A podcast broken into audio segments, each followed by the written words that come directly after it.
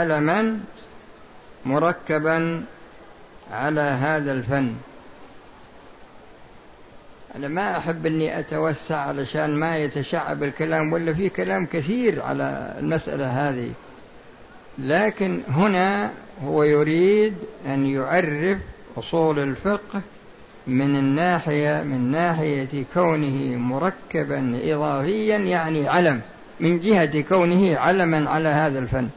من جهة كونه علما على هذا الفن. فذكر التعريف بقوله دلائل الفقه الإجمالية.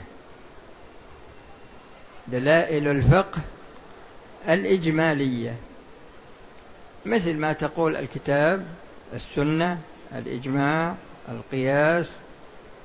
وهكذا سواء كانت الدلائل هذه من الدلائل المتفق عليها أو من المختلف فيها. فالمهم أن أصول الفقه باعتباره علما على هذا الفن يقال عنه دلائل الفقه الإجمالية. هذا هو القول الأول. وذكر القول الثاني لكن بصيغة التمريض. وقيل معرفتها يعني معرفة دلائل الفقه الإجمالية. والأول هو المعتمد. المسألة الثانية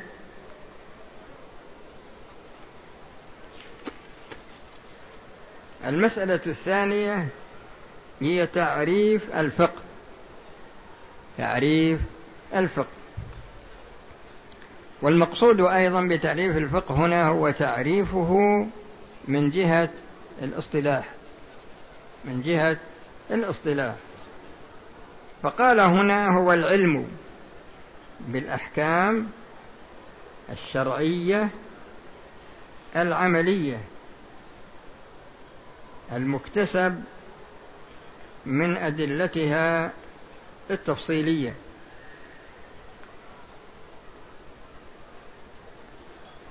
العلم بالأحكام الشرعية العملية المكتسب من أدلتها التفصيلية. العلم بالأحكام الشرعية العملية المكتسب من أدلتها التفصيلية.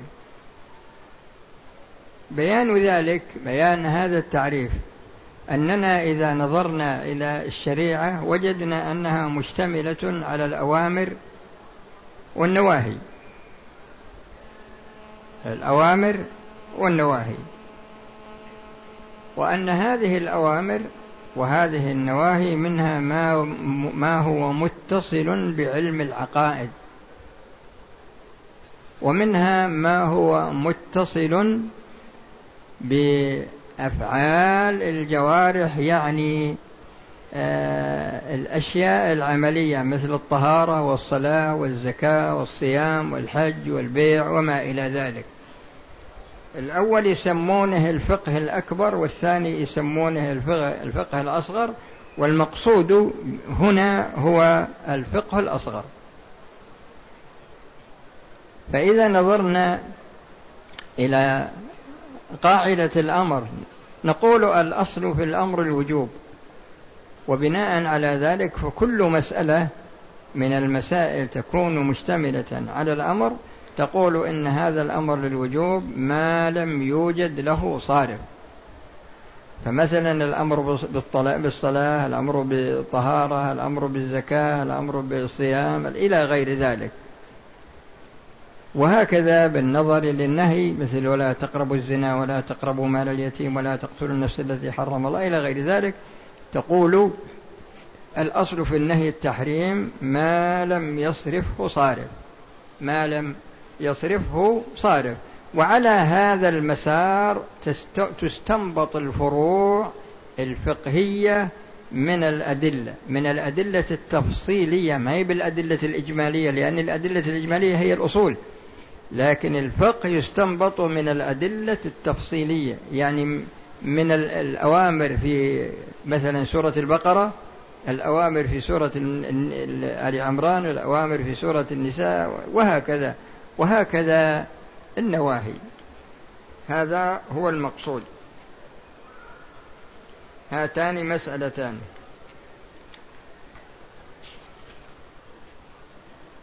المسألة الثالثة هي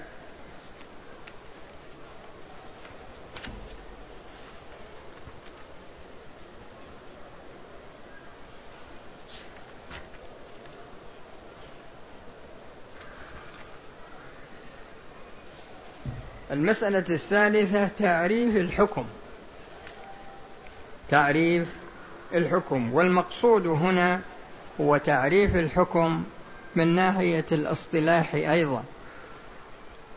فهو خطاب الله المتعلق بأفعال المكلفين من حيث أنهم مكلفون. المتعلق يعني حكم الله خطاب الله المتعلق بفعل المكلف أو أو بفعل المكلفين من حيث إنهم مكلفون. إذا نظرنا إلى الحكم وجدنا أنه يكون مثلا حكم تكليفي وهذا يشمل الواجب والمندوب والمحرم والمكروه والمباح. هذه الخمسة يقال عنها إنها أحكام تكليفية. إنها أحكام تكليفية. وإذا نظرنا إلى جانب آخر وجدنا أن فيه ما يسمى قسم ثاني من أقسام الحكم وهو آه، الحكم الوضعي. الحكم الوضعي وهو الأسباب والشروط والموانع والعلل. هذه يقال عنها إنها أحكام وضعية. فهذا التعريف خطاب الله المتعلق بفعل المكلف من حيث أنه مكلف أو بفعل المكلفين. من حيث إنهم مكلفون. هذا هذه هي المسألة الثالثة. المسألة الرابعة هنا آه، تعريف الحسن الحسن والقبح. قبل أن أذكر نص التعريف هنا أحب أن أنبهكم على قاعدة في الشريعة. هذه القاعدة هي أن الله سبحانه وتعالى لا يأمر إلا بمصلحة. ما يمكن يأمر بمفسدة. ولا ينهى إلا عن مفسدة. لا يمكن أن ينهى عن مصلحة. عندما يكون فيه استثناء من من قاعدة الأمر أو يكون فيه استثناء من قاعدة النهي فهذا شيء يرجع إلى الشارع نفسه. وبناء على ذلك فالمصالح يعبر عنها بالحسن والمفاسد يعبر عنها بالقبح. المصالح يعبر عنها بالحسن والمفاسد يعبر عنها بالقبح. مورد المصالح تجدون أنه في طريقين من الشريعة. الطريق الأول فعل الأوامر والطريق الثاني ترك النواهي. فترك النواهي مصلحة وفعل الأوامر مصلحة. والقبح تجدون أنه في طريقين أيضا فعل النواهي وترك الأوامر. فترك ففعل النواهي هذا قبيح. ترتب عليه مفسدة وهي قبيحة. وكذلك ترك الأوامر هذا يترتب عليه مفسدة.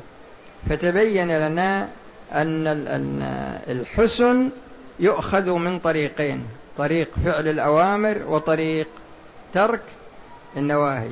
وأن القبح يؤخذ من طريقين ترك الأوامر وفعل ماذا؟ وفعل النواهي. على هذا الأساس يقول هنا والحسن والقبح بمعنى ملاءمة الطبع ومنافرته وصفة الكمال والنقص.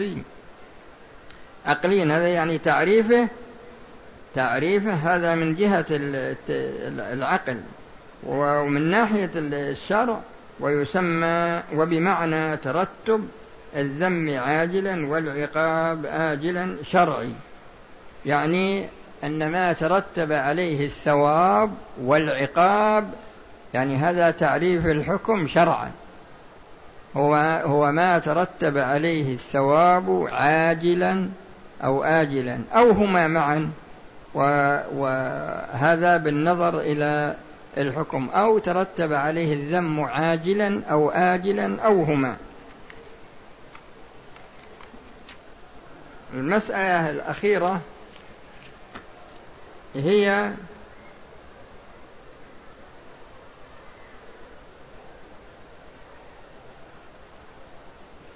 فيه شيء يسمونه لكن ما أحب أني أدخل فيه إلا مجرد تنبيه فقط. في شيء يسمونه العوارض التي تعرض للإنسان بحيث إنه ما يتجه له التكليف ما يكون مكلفا. فقول الرسول صلى الله عليه وسلم رفع القلم عن ثلاثة وذكر النائم حتى يستيقظ والمجنون حتى يفيق والصغير حتى يبلغ. فعندنا النوم هذا من العوارض لكنه ما يمنع وجوب الشيء في الذمة لكنه لا يتوجه إليه الإثم من ناحية أنه يكون آثم كما لو كان مستيقظا.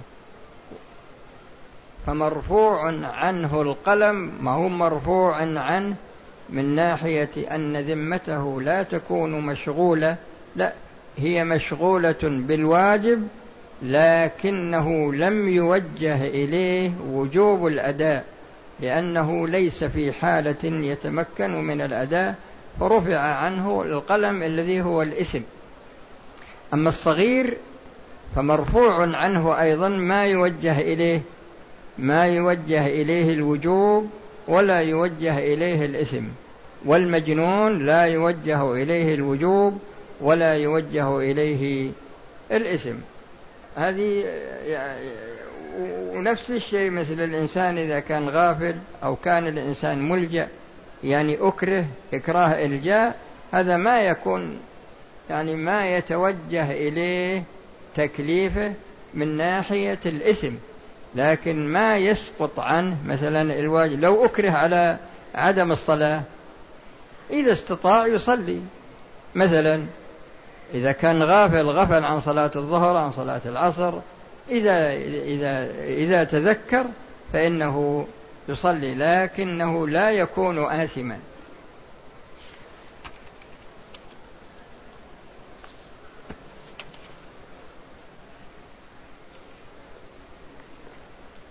المسألة الأخيرة يقول هنا ويتعلق الأمر بالمعدوم.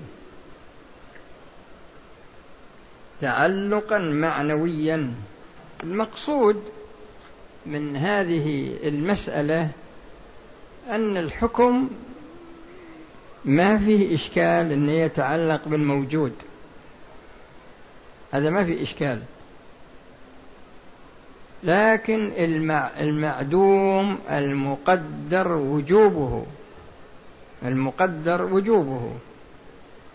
فإذا نظرنا إلى الأوامر والنواهي التي صدرت في عصر الرسول صلى الله عليه وسلم وجدنا أنها موجهة إلى جميع أفراد أمته سواء أمة الإجابة أو أمة الدعوة. ما في فرق. أمة الإجابة يمتثلون فالفرد الذي في هذا القرن موجه إليه الخطاب الذي كان في وقت الرسول صلى الله عليه وسلم فهو معدوم لكنه مقدر وجوبه مقدر مو وجوب مقدر وجوده. هذه جملة من المسائل وبعد ذلك نبدأ إن شاء الله فيما بعد في الأحكام الشرعية. وفقنا الله وإياكم لما يحبه ويرضاه. والسلام عليكم ورحمة الله وبركاته. بالنسبة للأسئلة أنا ما أجيب إلا على الأسئلة التي تتعلق بالدروس فقط. اللي عنده إشكال فيما سمع يسأل. أما مجرد الإجابات فهذه عند ناس آخرين ما لي فيها علاقة. بس تكون الكتابة واضحة. ما معنى الحنث وما الفرق بينه وبين الكفارة؟ يا أخي الحنث الإنسان عندما يقول والله لا أشرب هذا الماء وشرب شربه هذا حنث لأنه قطع اليمين.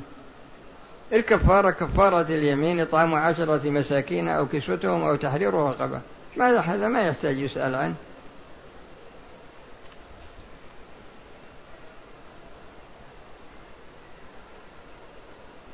أنا ما لي شغلا في الأسئلة التي ليس لها علاقة في الموضوع. كل هذه اسألوا عنها غيري. كل هذه ما لي فيها غلا بل إذا كان في أسئلة تتعلق بالدرس ما في شيء. السلام عليكم ورحمة الله وبركاته.